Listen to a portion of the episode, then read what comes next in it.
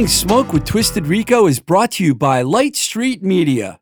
By now, you've heard me talk about Baby Loves Tacos over a hundred times, and that's because I've been doing so since this show started back in January 2019. Zach, Cat, Kaz, the Sandman, John Sandy, and the rest of the crew at Baby Loves Family are the real deal when it comes to good food. If you live anywhere near the Pittsburgh, PA area, visit their incredible shop at 4508 Liberty Avenue and check them out on Instagram at Baby Loves Tacos. Baby Loves Tacos, where everybody eats. You know how much I love vinyl and going to record stores. Well, my favorite stop these days is Joe's Albums. Joe has two fantastic locations the original at 1317 Main Street in Worcester, Massachusetts, and their newer stop out in the hipster college town of Northampton at 5 Market Street.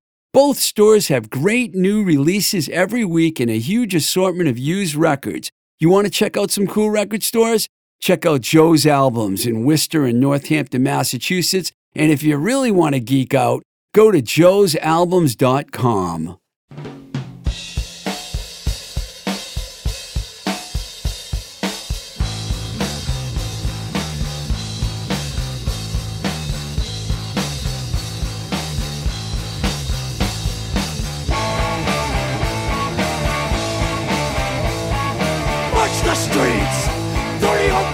strong, united against a world that's wrong.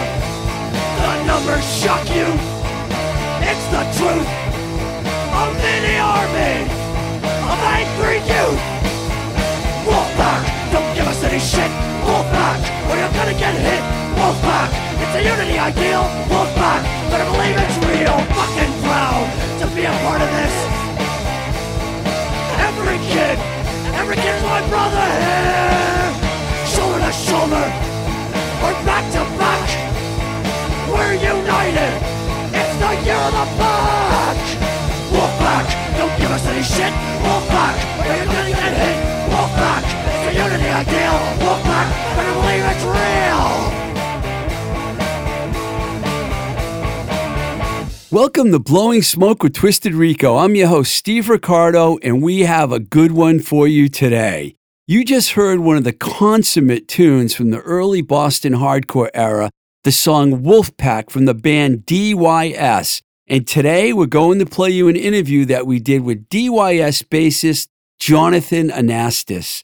We had a fantastic conversation about Jonathan's music career which also included his stint as the original bassist of Slapshot. And in fact, we have a special treat for you later in the show when we're going to play an unreleased song entitled Bitter from Jonathan's solo project, Disbanded, spelled D-Y-S banded. I like the way they did that, which features DYS singer Dave Smalley on the guest vocal.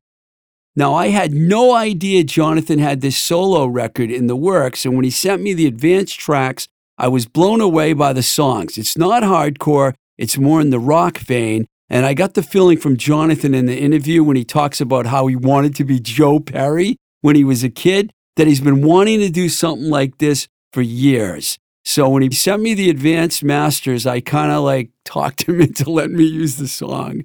So we use it in this episode.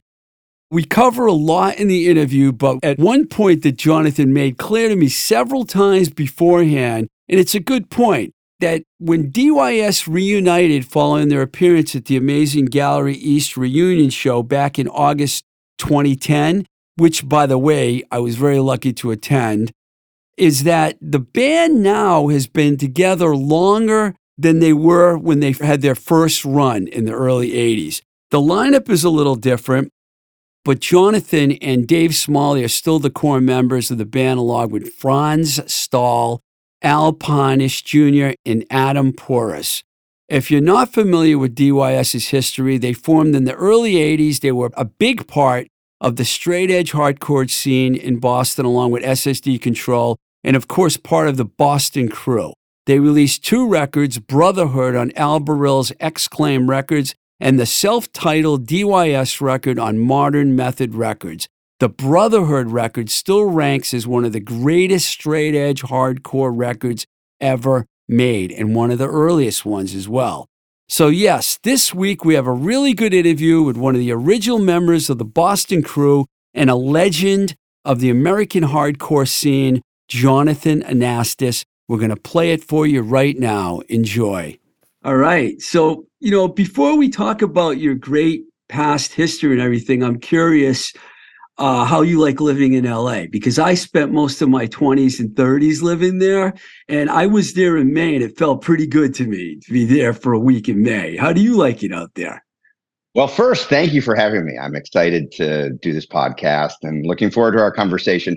So, the funny thing about Los Angeles is I fell in love with it the first time I was here back in the early 90s. I came out here to shoot commercials you know, a lot of the the advertising industry and the commercial production industry spends the winter shooting commercials in Los Angeles because there's no snow on the ground, right? right. So if you're using commercials year round. And a lot of my friends from the music scene and from Boston punk rock were living out here at the time. Christine McCarthy was out here pursuing her acting career. Jamie Sciarappa was out here pursuing his music career. So I had an instant affinity for the city for a lot of reasons. I'm a big fan of film noir. I'm a huge fan of the musical history and the entertainment history of Hollywood. But also, the interesting thing to me growing up a New Englander is in New England, you will always be the child of whoever you are, right? You the the the social mobility is different in New England. I, you know, my dad was always who his father was. I would always be to some degree who my father was. New England's the last place on earth that they ask a 40 year old man where you went to college, right? and Los Angeles, for better and for worse, is like capitalism personified. Meaning, did you ever watch Mad Men?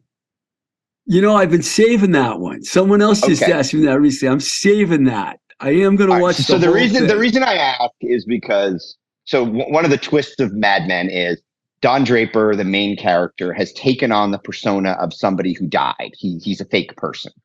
And he builds this huge career. And at some point in his career, he gets found out. And uh, an underling goes to the guy who runs the agency and, and rats him out. And he thinks he's going to get fired. And the head of the agency looks at this guy who is, you know, a blue blood New Yorker you know, and thinks he's really got Don Draper. And he, he looks at the guy and says, A man is who he is in the room. And there is no city more true in America where a man or a woman simply is the person they are in the room, right? How much money you came from or didn't come from doesn't matter. Where you went to school doesn't matter. All that matters is what you bring to that meeting today, that performance today, that show today. And that's one of the things I love about Los Angeles. What, what part of LA are you living in? I live in Los Feliz. Oh, okay. Yeah. I lived mostly uh, in the valley and the beach, but I worked Excellent. in Hollywood. You know, I worked at A&M Records for, you know, on Sunset in uh, La Brea. And I worked for Metal Blade, which was in, on Ventura Boulevard. So, but but I, I wanted to ask you about LA because I was curious. Um, I'm going to go all the way back now. So, right. um, you you where you kind of told me where you grew up, and you mentioned, and I'm using your quote that your parents were 70s hippie academic parents. So, where did you grow up, and what was it like growing up in that atmosphere? Sure. So, I grew up. Uh, my mom was born in Winchester. We lived on the North Shore. After my parents got divorced, we lived to Cam- we lived in Cambridge, Massachusetts which is right across the river from Boston, which yes. gave me my first access, right, to Boston music, all that great stuff. But Cambridge is a very particular place, right? It's defined mm-hmm. by, you know, Harvard, MIT. My neighborhood was full of Harvard professors, MIT professors, Harvard graduate students, MIT graduate students, especially at a time in the 70s. And that gave a particular coloring to the world, right? And so when I think about being a young punk rocker and you think about rebellion and the rebellion that every kid goes through, it, it, it drove two things in my life. First, there was nothing more important to my parents than education, right? So if you're being rebellious with parents like mine, fuck school. That's like the worst thing you can possibly say to your parents, right? It's fuck school. My parents, between the two of them, have six degrees. I ended up being a high school dropout over, you know, punk rock and career. I ended up going back to school later. And I recently finished a program at Wharton. So I, have learned later in life, post rebellion, how important education is, and especially as a father, I wanted to model that to my son. So I thought it was really important to see, for him to see me go to graduate school as he started his educational journey. But at that point in my life, fuck education was like the most rebellious thing I could say to my parents. The second thing was my parents grew up in the era of Woodstock, right? So if I said I'm growing my hair, you know, I, I love Crosby, Stills, Nash and Young.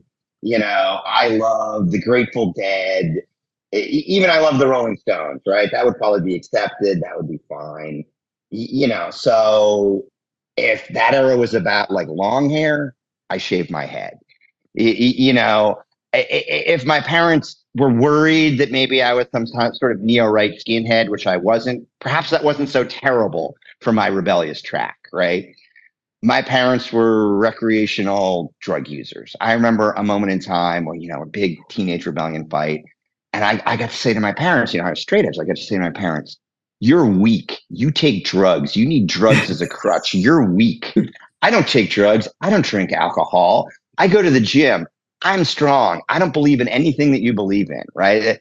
So you just think about like how rebellion yeah. works in ways. Interesting. Uh, when, when did you like first start start listening to music, and what were you listening to when you started? Because you had that influence coming from them. Did they try and drag you into that world, or did you say "fuck this"? I'm just going to listen to what I want to listen to. It's interesting. So music was on in my house all the time, but I don't recall my parents as being particular music aficionados, right? Which right. was more of a soundtrack soundtrack to that era. And they had reasonable taste. Like, so shockingly, they were Roxy Music albums. If I flip through the vinyl, yeah. they were Rolling Stones records, they were Beatles records, they were James Taylor records. I needed to reject a whole lot of that. Um, so music first hit my consciousness, or alternative music first hit my consciousness. I went to a summer camp in rural Maine. That summer camp was disproportionately filled with New York City kids, like actual men. Really? Kids. So they had a level of what I would say sophistication that Boston kids probably didn't. And I remember somebody brought an early copy of Creem magazine that was like a Ooh, punk issue. Yeah. It was like a punk issue. And I'm flipping through and I'm seeing like the Sex Pistols and the Clash and the Ramones. And I just remember it having this unbelievable impact on me. Right. And that's what put that music on my radar. My first personal music love was Aerosmith. Like Joe Perry was my first icon, you know. But I think the first time I got a thrift store guitar, right, and tried to figure out like, you know, Lord of the Thighs or Seasons of Wither, I was in over my head. It was would be incapable of playing that stuff. And then conversely, trying to figure out how to play a Ramon song. You know, I think the first time we got a couple of friends together in the basement to try to bang something out, we're playing a Ramon song in 15 minutes, right? It, it took my dream and made it accessible. I also have to say, though, going through it, my first love, I'm flying to Vegas this week to see the Aerosmith residency. Ooh. and, and I'm super excited about it, right? Because because I've gone back and sort of realized that a lot of that music I felt like I needed to reject is actually super high quality. So I, I'm super excited to see Steven and Joe and those guys do their thing. You mentioned getting a guitar. So did you actually start playing guitar first before you became a bass player? No, I, I sort of used the term uh, generically. It was probably a bass. I remember sort of coming back from summer camp and begging my parents, right?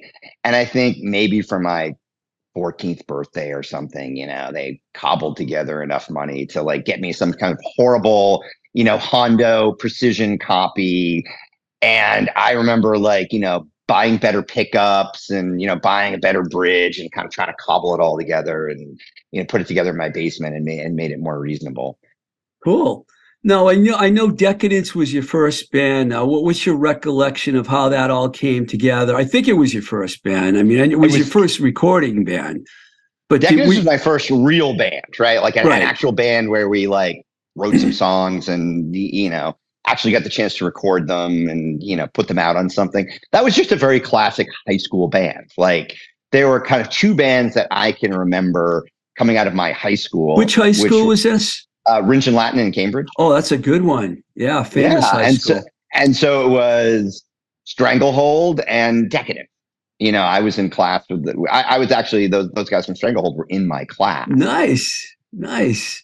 And I know the band uh, is on the song "Slam" ended up on "This Is Boston, Not L.A." and it also ended up in an MTV campaign. So you did have a little bit of success early on with your first band. Success would be a very strong word, right? I, I mean, it's funny. One of the ways I also got into music is, you know, I was struggling in high school. You know, if a subject was exciting to me, I got an A. If a subject was not exciting to me, I didn't go to school at all. And I had a really good guidance counselor. You know, he's asking me what I'm interested in. And we were talking about how music was so important to me. So somehow this guidance counselor managed to get in touch with Newbury Comics, and I got an internship That's at Newbury Comics and Modern Method Records. And that was literally one of the turning mm. points in my life, right? Somehow I could get through the school day to like take the bus to go across the river from Cambridge to Boston and work in that original store and start buying records and just be around musicians and being around all that stuff. And I am absolutely sure the only reason that Decadence made Boston out LA is because I worked there and it was some sort of favor to me. Uh, you know, I'll let I'll let history or somebody else be the judge of whether that song deserved to be on there or not. But I will say that, you know, I view it as like it was a favor for a kid who was clearly very passionate about music who worked there. That said, you also mentioned it became uh, an MTV holiday promo, which ran for a decade or more, you know, and so weirdly, in its own way, I might argue that song got more like sort of national exposure and more spins, and ironically, more sync license than any song on that record. It's crazy. Um, you um you mentioned Newbury Comics, and I know, you know, I remember, you know, Mike Dreese and John Brusger. So I imagine you were working with those guys, right? They were the first two guys, really, right? And they were. I was, I was. I was working with Mike Dreese, John Brusger, uh, Aimee Mann from 'Til Tuesday. Aimee Mann, good one. Uh, my recollection of those guys is is Mike Dreese was the businessman and John Brusger was the record fan. I remember like when a shipment of records would come in John would go in and like take his stuff first. Right. And then eventually I got in on that opportunity. Right. So the Dischord singles would start coming out. And I could like say we got five of the thousand or whatever, four of the thousand. You'd grab one. Three would be gone before they ever made the shelf. I used to actually sell records to John over the phone. When I my first job at Enigma Records, they put me in the sales department and yep. they gave me the Newbury Comics account. And it was only one store at the right. time. So I totally remember that. Um, I'm gonna keep uh, this. By, by, the way, if I can say one more thing about John sure. Mike. In a world where, you know, you worked on all levels of the music industry, where people were dishonest, tried to like screw brands out of their piece. Newbury Comics has remained over the years one of the most honest and transparent I payers yeah. and accounters. You know, when they reissued Boston out LA, they were very upfront. You know, they did kind of a favored nations deal. And every time they would press another thousand in like a different color or something, there would be a contract addendum, there would be a check. Like I, I those guys are are stand-up business people in, in, a business where the artists get screwed on almost every level those guys have absolutely been stand-up business people. Never heard a bad thing about those guys. Yeah. Um, you know, when I had Al Barile on the show from SSD, mentioned the kids from Marblehead joining the Boston crew, and I don't know why I thought you got lumped into that category, but now I realize that you're not one of the kids he was talking about. So, how did you end up in the Boston crew. I mean, who who were the kids from Marblehead, by the way? He never really explained that to well, me. Well, so, so I'll tell you two pieces. So I actually ended up an honorary member of the Marblehead crew. And what I mean by that is so if you think about the early days, the kids from Marblehead were Andy Strachan, who ended up in DYS. Yes. Tony Perez, who ended up in Last Rites. Jake Phelps, who was legendary. Thrasher. Right. They they were all high school classmates. Chris Corkum, you know, yeah. recently passed. But uh, you know, that was kind of like the four top people. They'd pull in other people, but I, I would consider that the core, right? And so Andy and Tony were, and Jake were on every S, you, you know, SSD road trip, and you know, Jake was a presence, whereas like Andy and and and uh, Tony were guitar techs and roadies, you know, who actually had like a working role. I ended up moving to Marblehead probably the late DYS, early Slapshot. Uh, I actually lived at the Strachan house for a while. um, when I started my college career. And then weirdly, I got my first job post college at Mullen Advertising in Wenham, and I moved back to Marblehead because you, know Wenham is sort of almost. So like that's why he lumped you into that crew. So, basically. so I, I ended up there, but but obviously, you know, Andy was one of our core bandmates for a long time. yeah. But Um, and, and you and you asked me, sorry, you asked me how I I joined. So I actually missed. It, I think Al talks about a big nucleus of the first show was like everybody went to Black Flag. I think at the channel. I was actually at that summer camp that I mentioned, so I missed that Black Flag show. So I sort of missed the absolute nucleus of it. But then I came back. I'm picking up my responsibilities at Newbury Comics and Modern Method, and I meet those guys, and I fall in with those guys, and you know, at some point, you know, Al and Jamie would do their thing and they'd throw their hundred flyers on the steps in front of Newbury Comics, and Mike Dreese would come over and yell at me and say, "Pick up those goddamn flyers your friends with a shaved head threw on the street." and we started hanging out, and I met Dave Smalley through those guys, and probably ended up meeting them at very, very early media workshop uh, shows. So tell me what your whole impression is when you think back about the Boston crew and what you guys did for the scene, because you guys had a big impact. So here's what I would say. I probably take not just my musical cues in terms of like how to run a business, but a- lot of my business cues from like what I learned from Al Barile. Like Really? I call I call those early days my street MBA. Uh, you know, if you think about Exclaim was almost like a collective, right? So we're trying to figure out how to put out a record, right? We know nothing. There's no internet. I call Al. Who printed the covers? What did you pay per piece for the cover? You know, where did you get the record pressed? How much did you pay per pressing? I learned things from Al, which he probably learned from Ian. If you press 2,000 covers and only a thousand records, that's a cheaper way to get covers, and you have an extra thousand covers ready to go, and you press another thousand records, and that's cheaper than pressing a thousand and a thousand. Or what you know, we learned all these little hacks and all these little tricks that we all learn from each other, right? It's kind of collective knowledge so I, I, I take that like we learned how to run little little businesses, right? Or I also remember something that stuck in my head from Al over those days, which were like he wanted to make every show an event, right? So you think about SSD played Boston once a year, right? You could have played every weekend, and I think that's one of those things where hardcore was different than like the pre-hardcore punk scene, where it's about like play every Friday night at Bunratty's or every Friday night at the Rat or whatever.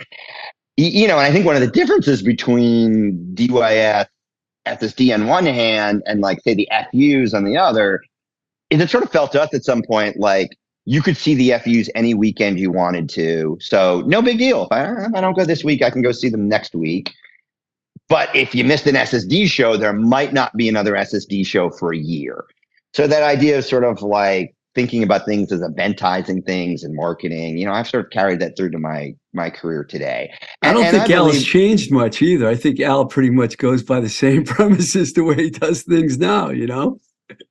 I still am always messaging Al. What do you think of this? What do you think of that? Yeah. He- he- you know, he's a he's an incredibly smart guy. You know, he was, you know, he's pursuing an engineering degree during all this. Like, let's not forget that. Right. Um, so you, you know, Dave's Dave's an old friend of mine too. Dave and I hung out in uh, L, in L.A. when we both lived there, and I helped him get a demo deal for Down by Law when they first started.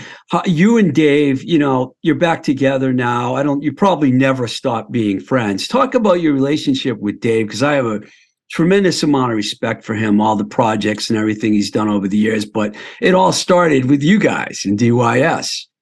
It did. You know, I'll say this. I'm not sure Dave gets his due as being like a national American punk rock treasure. And I don't think I'm overstating that at all, right? If you go from what DYS did and then what Dag Nasty did, where Dag Nasty built an entire genre basically of music. Like if you go talk to the Blink 182 guys, like their world wouldn't exist without Dag Nasty, right? Then he kind of extends that with all. He does the deal you worked with him on Down by Law. You know, like who has a larger canon of records and songs across a bigger number of bands, across a bigger number of labels? I- I- You know, I, I- I think that a lot of that career has been kind of like undervalued. And and part of the thing that's important to me as a band member of Dave's and a, and a friend of Dave's is, is to try to give that body of work the credit that it deserves. I've asked Dave to come on my show several times. He keeps saying he's going to, so I'm hoping I get him on because I agree with you. I have a high amount of respect for what he's accomplished. And you know, you mentioned Dag Nasty. I got to work with Dag Nasty, the Peter Cortner version of the band, but I still, you know, the Can I Say record is one of the greatest records ever made. You know, I mean, seriously, for that genre. Um, let's talk about Brotherhood because it's a true, you know, hardcore classic. And you, Lou Giordano, I believe, is who you worked with on that record. Talk about that a little bit and talk about the song Wolfpack, which I think is kind of almost like the theme song for the Boston Crew. If I'm not, I mean, it would be that and Glue. I think would be the songs you would think were like the song, you know, for the for the Boston Crew. Am I right or wrong? Again, I'll let sort of history in the world be the judge on that. You, you know, I you never want to put your you never want to place your own your own role in, in musical history. But here's what I'll say about brotherhood. So again, if you talk about we're all learning from each other, right? You know, I think Al was in your show talking about when they went to you know Radio Beat. That was like the third or fourth try to make that record, you know, or whatever, and they were struggling. So they had kind of already figured that out by the time you know it's time to make Brotherhood, and it Radio Beat had kind of become the default studio. Glam was recorded at Radio Beat. Kids are have their will have their stay was recorded at Radio Beat. I think a great bulk of Boston out LA was recorded at Radio Beat. You know, we got to work with Lou, who went on to this incredible sort of sound and engineering career. You know, looking back, here's what I'll say. We knew nothing, right? We knew nothing about nothing. I will probably say, having worked with a few people, Lou is probably more of an engineer than he is a producer.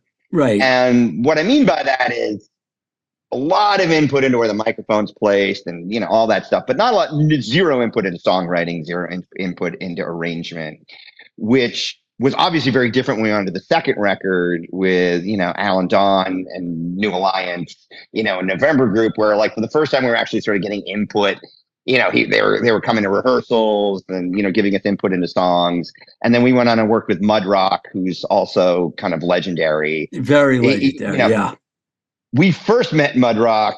He did live sound for DYS in kind of like the metal era, and then Mudrock produced all the reformed DYS stuff that we did. And again, that's a guy who's got input right? Right. So I'm not lessening Lou, but if you think about Brotherhood, you've got like a bunch of 15 and 16 and 17 year olds going into a studio with no idea what they're doing with kind of zero input, right? The input is like take one, uh, that fell apart in the end. Can you do it again? Like take two, like somebody was out of tune. We're just trying to figure it out, right? We're we're totally just trying to figure it out and trying to struggle through like making a record. It, it's funny. I have two schools of thought. Like one of the things I loved about DIY. And actually, what I love about digital music today is there are no gatekeepers, right? The gatekeeper is gone. Anybody can make a song today and put it on Spotify for better for worse. Anybody who could scrape together a couple thousand dollars and had the this kind of gumption and the drive could do a record back then. We didn't wait for record labels. And again, I think that's the funny thing, right? If you think about the difference between the outlets and say DYS and SSD is the outlets are kind of like forever waiting for somebody else to pay for their record and waiting for somebody else to make their record and you know kind of waiting for their big deal. And i don't mean that in a bad way. That was the traditional model right? You know? And ssd and dys strictly because nobody else was ever going to give us a check and let us make a record. Right. we're making our own records right? The downside of that is i sort of think like what would brotherhood have sounded like if it had been made a year later right? The, you know, even when I go back and do those songs now, like again, this is probably kill purists. But when we went out when we reformed and decided to replay those songs, I started to think about a song like Brotherhood. And I went, we did verse, chorus, verse, chorus, end. That's not a song. Why? And when we play Brotherhood now, it's like verse, chorus, verse, chorus, breakdown, chorus, chorus, exit. That's like much more traditional song structure, right? And I just sort of wonder if somebody had been around to guide us on those yeah. steps then, would they would they have been better records then, or would have lost the energy of the pureness and the rawness? I don't know, but I've sort of gone back and given a few of those songs plastic surgery over time. You know, I'd call minor plastic surgery. They're holding up pretty good over the years, so yeah. I got to say. And you know, the irony of what you said was is that I actually signed the outlets to Enigma.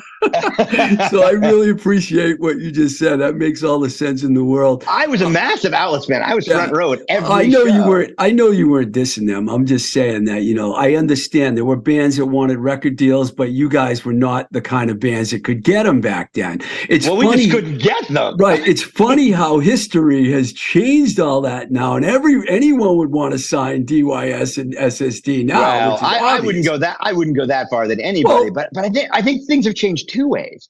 A, I tell bands now don't get a record deal.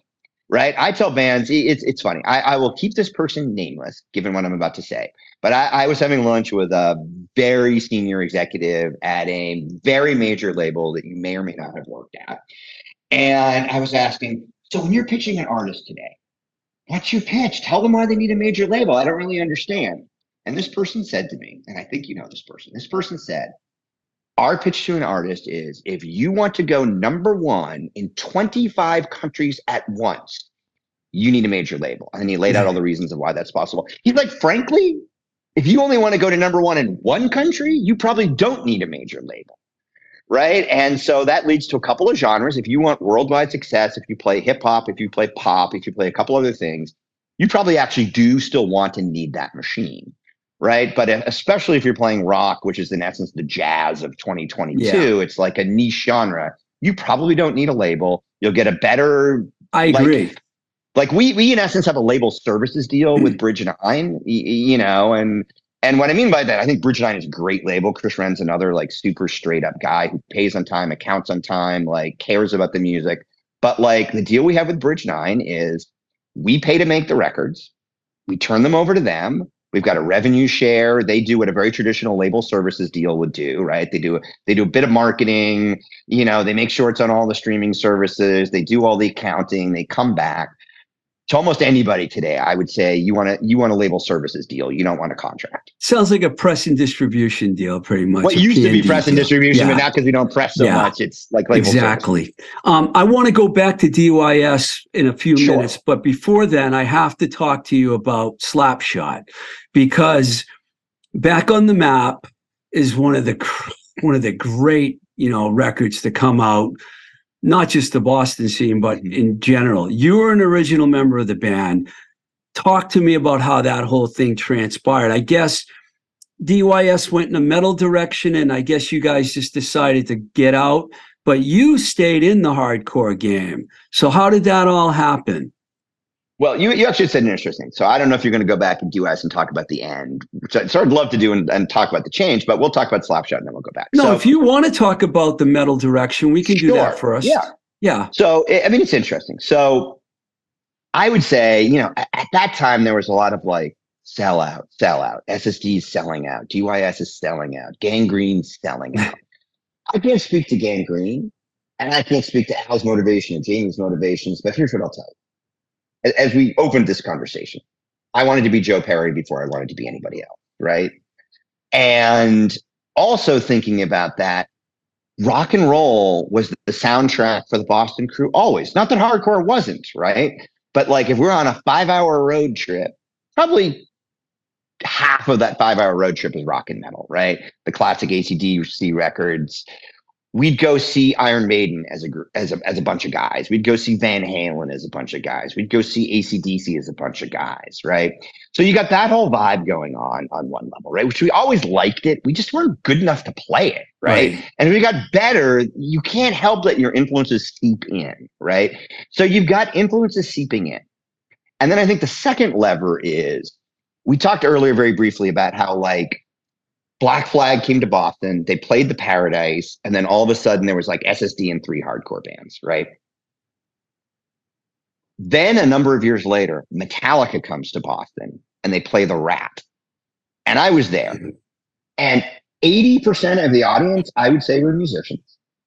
And probably everybody I know in hardcore was there.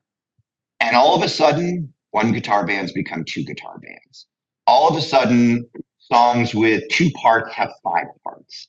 All of a song, all of a sudden, songs with two tempos have four tempos. Right? We're just taking it up through osmosis.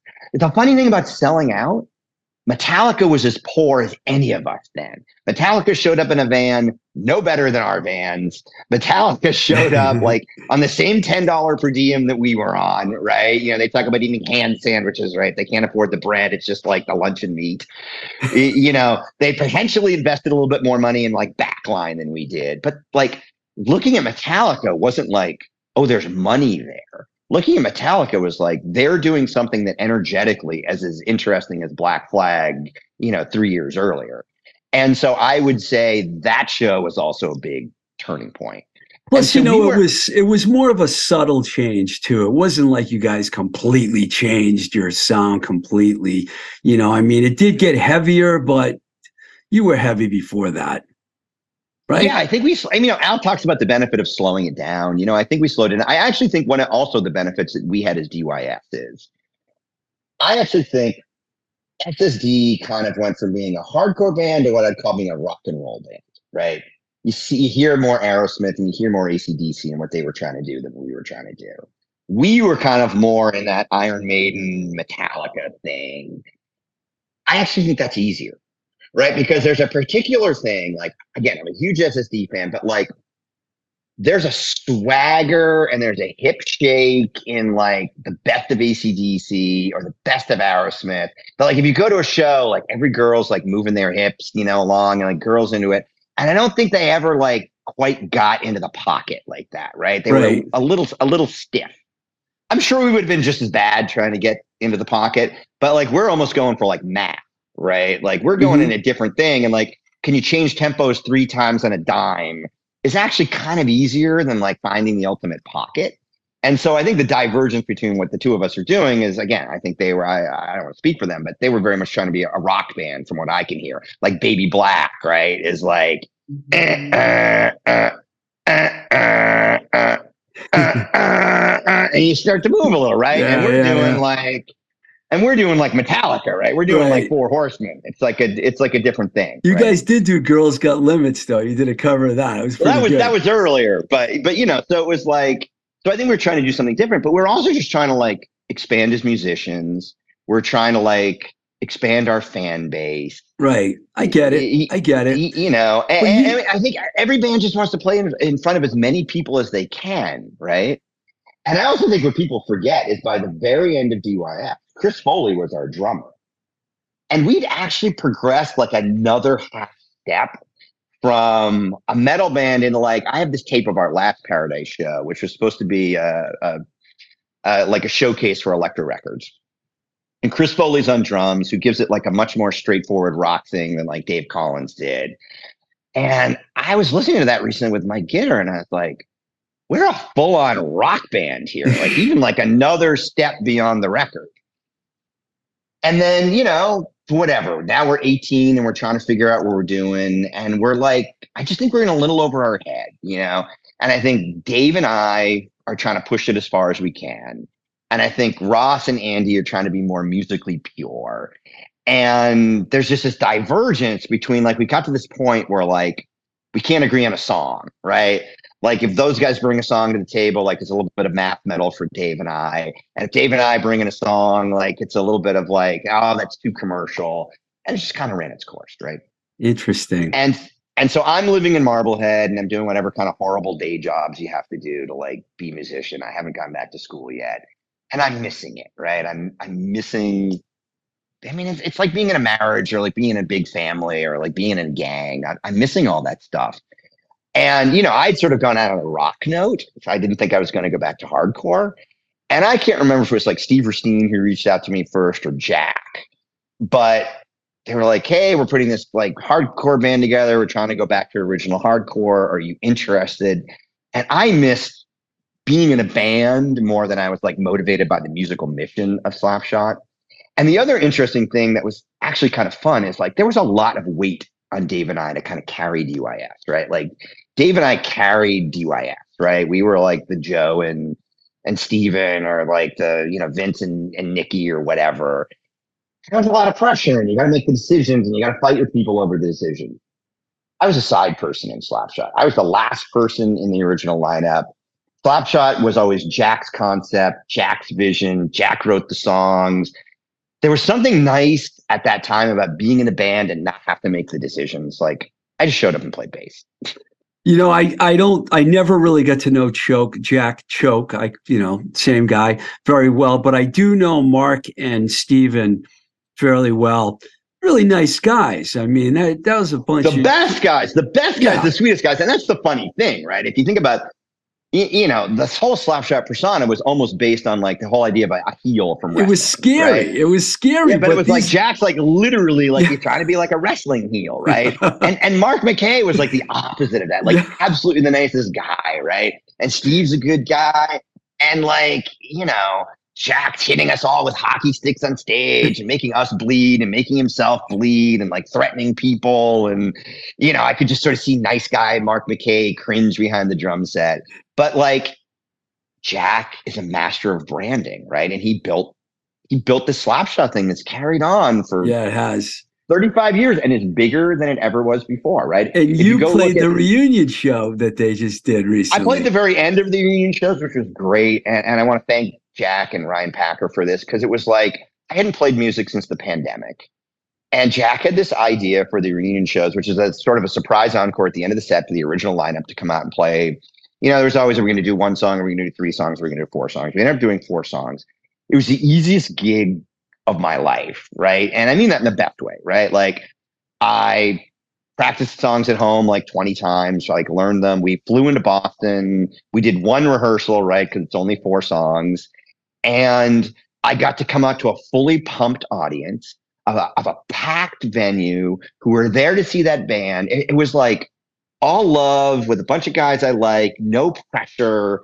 You know, it was like the best of all worlds. Like the backline was dialed in. I literally just got to stand on stage, relive a piece of my musical past to a very appreciative audience with a bunch of guys that I really liked, and then fly home. Yeah. And then, you know, um, going back, I know that after the slapshot thing, you went to, you decided to go to school and everything.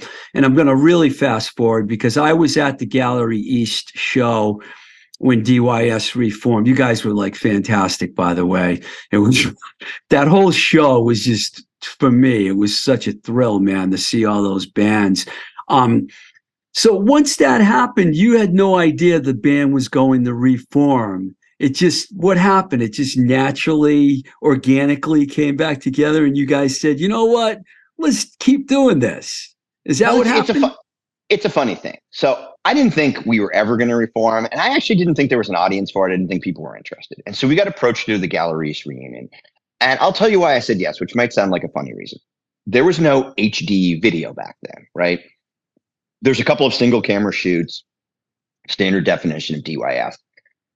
I almost did it for the ephemera, right? Like, like there literally was. i love that word And so I said, like, six camera HD shoot. Like, I get to relive a moment of my past. I totally just thought it was a one and done.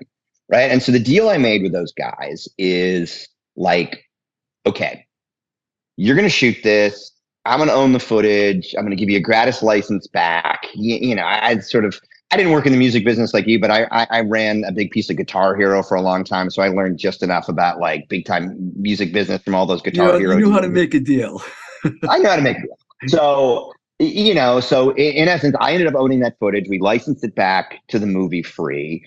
I really just wanted the footage. I wanted the footage and I wanted, like, this is my high school reunion I never had. And I hadn't been on stage for 20 years, so I took it really seriously. I flew to Boston to rehearse, I think, nine times. wow You know, we took it very seriously. I mean, you saw it. We brought the back line, right? Yeah. I think we were, I think DYS was playing through like six Marshall heads, six Marshall cabs, two full SVTs. You know, uh, I'm totally insecure about being on stage. So we hire the Tremeni brothers to like, you know, stage us. And, you know, those guys like work with Alice Cooper, those guys, you, you know, I was like, I need pros, right? So our idea is we're going to surround ourselves with pros. That's, that's how I do things in life, right? So I, I, I felt like we had the support we needed. I think we played a great show. you did And and so Dickie Barrett came up to us after the show and said, you know, hey, that was pretty good. You want to open for us at the hometown throwdown? And now I'm thinking like, oh, that's 20. We've gone from like 1,100 people to now 2,500 people. I'm, I'm, I'm down for that. And then the Dropkick Murphys are like, you want to do the, you know, the St. Patrick's thing, same stage. right? And then we're like, hey, well, what, what can we do with it? And it turned into almost every summer in Europe for like seven to 10 shows. We play, we tried to play as many of the major festivals as we could. We never got to play punk rock bowling. I'd still like to come up and do punk rock bowling and check that off the list. But we did like Black and Blue, Sound and Fury, you know, South by Southwest, Hyper, Groezrock, you know, Rebellion, Resurrection. And it was just like super fun to go do that. And I was doing this, you know, Dave and I have kind of corporate jobs. And so we take like a week's vacation and we'd fly to Europe for 10 days and do like 10 shows in 10 days and then fly home and go to our corporate jobs. Like I would literally get off the plane, shower at the Admirals Club, and go to the office at the end of it. and what it turned into when it turned into it was going to be more than one and done is because I'm based in LA, we needed kind of like an LA based lineup, right, to make this whole thing work. And so we ended up putting together what I think is the finest lineup. I mean, I want I don't want to be insulting. I think every person that played in DYS is supremely talented in different ways. Dave Collins is supremely talented. Andy Strachan's supremely talented. Ross Luongo is supremely talented. You know, Ross played that first reunion show. Like he's a shredder. He like brought new life mm-hmm. to Jerry's kids. So I'm not dissing any of those guys. Jack Clark, they're all super good.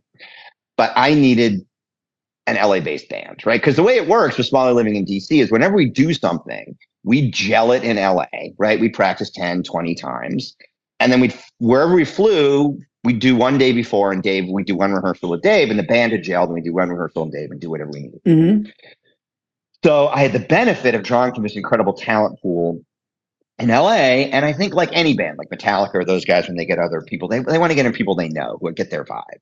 So we ended up with Al Pahanish Jr. from Powerman 5000 on drums, Franz Stahl from the Foo Fighters, Wool, Scream on guitar, this kid, Adam Porras, who I would sort of sort of, sort of discovered, who went to Berklee in Boston, played in a hardcore punky band called Far From Finished, went on tour with this rapper called Wax in Europe. He's an absolute shredder. So I've got two Berklee guys. I've got Franz, who is one of like the the self-taught journeyman. I mean, Franz's first show with the Foo Fighters was the roof of Radio City in New York, right? Like, and so I figure I'm, I'm doing this with guys who've played stadiums, right? Like literally played stadiums, have seen the music business at the highest level you can see the music business. Two guys went to Berklee. It's like skiing behind people who are better than you, right? So like I'm just in awe of the talent around me with like Dave and those yeah. guys. And frankly, I'm just trying to keep up, right? And my job is to jump around and just try to keep up with the talent. But I think we put together this unbelievably talented lineup of people who I learn from, right? I think you always want to go forward in life and learn things like every time I rehearsed with those guys, I learned something about music that I didn't know before. And just tweaking the arrangements and all that stuff with those guys was just incredible. It's amazing, man. And I'm and I know you mentioned to me that the band's been together like 10 times longer than the original band now. Yeah, and I mean, t- it's really funny. Like, this has been the DYS lineup for a decade. Yeah. You know, t- I've been playing with those guys for 10 years. Talk about Bridge Nine because I know you did a deal with them and you guys released a flurry of singles, which are all really good. And now, what's the future with them? You, I know uh, you mentioned you have more things coming. Yeah. So here, here's what I say. So Chris is incredible, right? Like Bridge Nine is kind of like the label the Taang always should have been and wasn't. And what Taang? I mean by that, it, did you say Taang? Yeah. Yeah. I, like Bridge Nine is like it's the center of the cultural conversation, right? It's a big supporter in a hometown. It's supposed to be here to support and nurture and help the local scene grow. Chris is passionate about the music, right? But Chris is also a great businessman, and Chris is an honest businessman, right? So, like, I we have a great deal, right? I could we talked a little bit of our deal before. I couldn't be happier with a deal with Chris. It started with when we reformed just merch, right? And I'll give you a perfect example of like how to do it right and how to do it wrong, right? So we thought this was going to be a one and done reunion show, but we, get together with Chris. And I was like, hey, we want some merch for the show. Can we have a merch deal? He gets a designer together. We get this great merch. Curtis shows up from Taang at the day of the Revere show with unauthorized DYS merch that we've never seen in our life. And I was like, really, dude? This is what you this is what you're fucking gonna do? Like, no, see, that's our new merch deal over there. And you're showing me something you don't have the right to make that I've never seen before in my life. And that is like the difference right there, right? Between like a Taang and a Bridge Nine. And so we did the live record with Bridge Nine, right, which came out of that reunion show. Yes. He got Jay Maas, who's like another legendary Boston music guy who's taken this genre to another level to mix and engineer that record, right? And then we did the digital singles with them. And I would imagine if we're moving forward with some of the stuff we're talking about in 2023, Chris and Bridge Nine are going to be a huge part of that. That's fantastic, man. Um, I'm not going to let you go until I talk to you about. I guess I'm going to say disbanded, even though it's DYS banded. I was actually blown away. Now, you just sent me this material, so I only had one, you know, not even 24 hours to live with it the song Bitter, I mean, it's fantastic. Smalley singing it. But the other guy singing, who I'm sorry, I can't remember his name, the whole band was really good. I mean, you're going to, this is something, you, this is your project. Are you going to release this? Yeah. So this is, so to give you a little history on this, which we're calling disbanded right now. So as we talked about, I'd always been a huge fan of rock and roll, hard rock. Yeah, it's not know. a hardcore record. It's not hardcore at all. I don't say it's not even a punk record, right? So if you but think about it's like, aggressive though. It's aggr- it's pretty yeah, aggressive. But, but you, you know, if you would ask me, like the arcs of DYS, like DYS was a hardcore band. DYS is a metal band, and I'd say Post Reunion. I would call DYS a punk rock and roll band. I don't know if you would agree or disagree, right? But sort of punk rock and roll. That's good. Singles. Yeah, it's kind of like all of our, you know, it's a little hardcore. It's a little rock and roll, it's a little punk rock, whatever. All all of our influences. So if I've always been influenced by hard rock and heavy metal, and then like I went through that whole like Scandinavian sleaze rock thing, like the Hellacopters, yeah, are like one of my favorite bands. I think Scandinavians do that genre better oh, than anybody yeah. on earth. Um, you know, my Spotify year wrapped, the Hellacopters were my number one played band. Um, and then you think about what happened in LA and the turn of millennium with like the Buckcherrys of the world. Like, you know, that that kind of rock and roll never changes. And I know all the Buckcherry guys, we have the same tattooist. Um, you know, my tattooist was an American Pearl. I've always had a love for sort of like that Sunset Strip sleaze rock where the New York Dolls meets Motley Crue meets ACDC. It's it's probably my historical sweet spot. So basic tracks of what you heard go way back to you got a bunch of Boston guys living in LA who came up in a punk world but are steeped in the Sunset Strip mythology, right? So I call it like kind of like LA hard rock played with a punk energy. And we kind of did the basic tracks and then things sat on a shelf for a long time and too long. And during the pandemic, I'm sitting in my house, I want things to do, there's nothing musical going on, you can't play shows. I decided to pull that out and rework it re-record a bunch of stuff. And so it is Al Pahanish, which is where I met him actually before DYS. Johnny Rock from Half Halfcock, if you remember them. Yeah. They, they were a Boston band who ended up on a major label deal. Uh, Adam Porras from DYS also playing leads. Uh, Jamie Sciarappa from SSD on bass. I'm actually playing rhythm guitar. Oh, you really? see over behind me um, my 74 Les Paul. Like I, and my Johnny Thunders Les Paul special, TV special. So I'm actually playing guitar, I was the primary songwriter. And Mark Muddy Dutton, who was doing the Chris Robinson Brotherhood and with Dwight Yoakam for a long time, he's doing keyboards, he's doing vocals, he helped engineer and mix it. And so we've got this EP that is a distillation of everything that I've always loved about rock and roll, right? And I'm working on putting that out in 2023. That's fantastic, Jonathan. I was re- really impressed. I didn't know what to expect because I didn't hear anything about it, but I like it. It's real good. And of course, you know, like I said, the song Bitter, you know, I'm a Smalley fan. So, you know, when I heard him singing and you guys together, I mean, it was really cool. But um, thank you, man, for coming on the show. You, Thank touched, you. Thanks for having me. You're we, such a huge fan. It's always great to do this stuff with somebody who's like a genuine fan, right? Because the conversation is always such more, so much more genuine and honest and interesting. Yeah, I was really honored when you got in touch with me and said you'd thank do you. the show. I was like, wow, absolutely, man.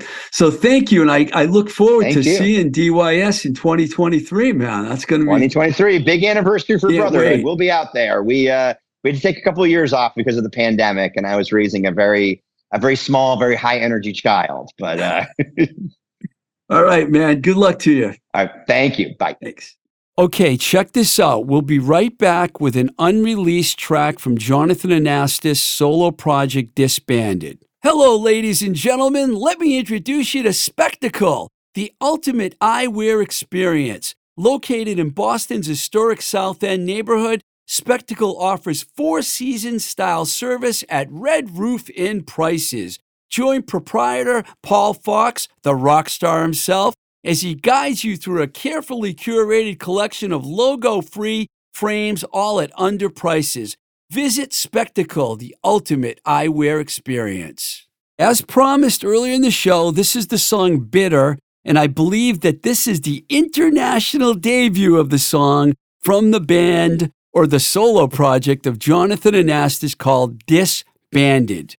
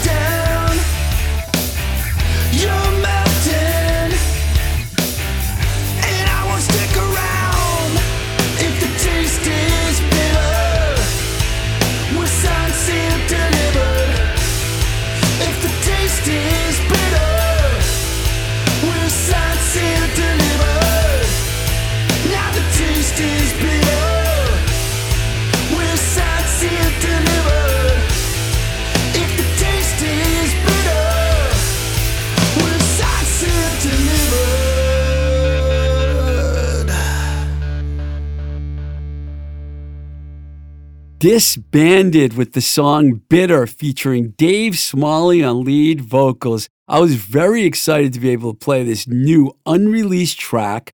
All Jonathan's new songs are really good. It's a departure from DYS and it goes in, like I mentioned earlier, more rock direction. But the bottom line is the songs are really good. And uh, I'm happy that we were able to play one of them for you today. And once again, thank you to Jonathan Anastas for coming on the show. Blowing Smoke with Twisted Rico is a free show supported by you, the listeners. And if you want to contribute to the show, there are two ways that you can do that. We have a Patreon account, patreon.com forward slash Twisted Rico. And you can also support us on Anchor on our homepage, which is anchor.fm forward slash blowing smoke TR. Something I never say, but I'm going to point out to you today. If you have not subscribed to our pages on Apple, Spotify, YouTube, etc., please do so so you can stay updated on what's happening with the podcast. Rating and reviewing us on Apple, especially, will take about a minute of your time, and it would be greatly appreciated if you could do that.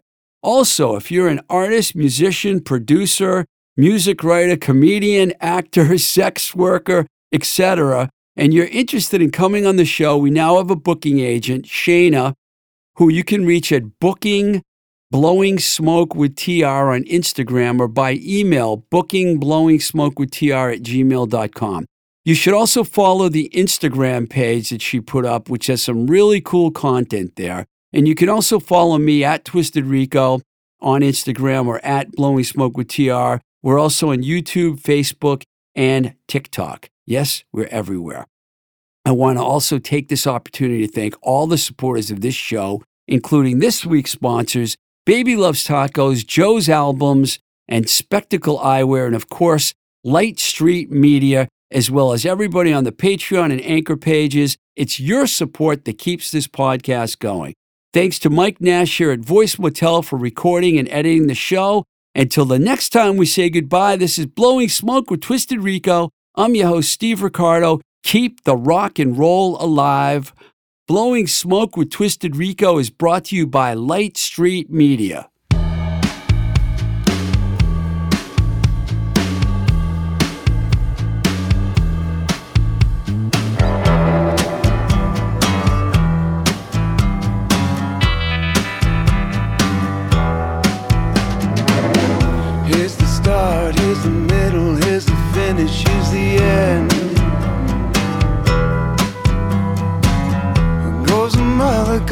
Father, goes the wife, stays the friend. Got a bunch of cigarette burns in the back of my head.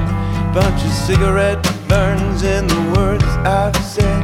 If I die tonight, hold the hand inside and know that I was never meant for a normal life. Voice is recorded at Voice Motel, voicemotel.com, your complete podcast recording experience. Located in Union Square, Somerville, Massachusetts. I'm just trying to be more professional, you know.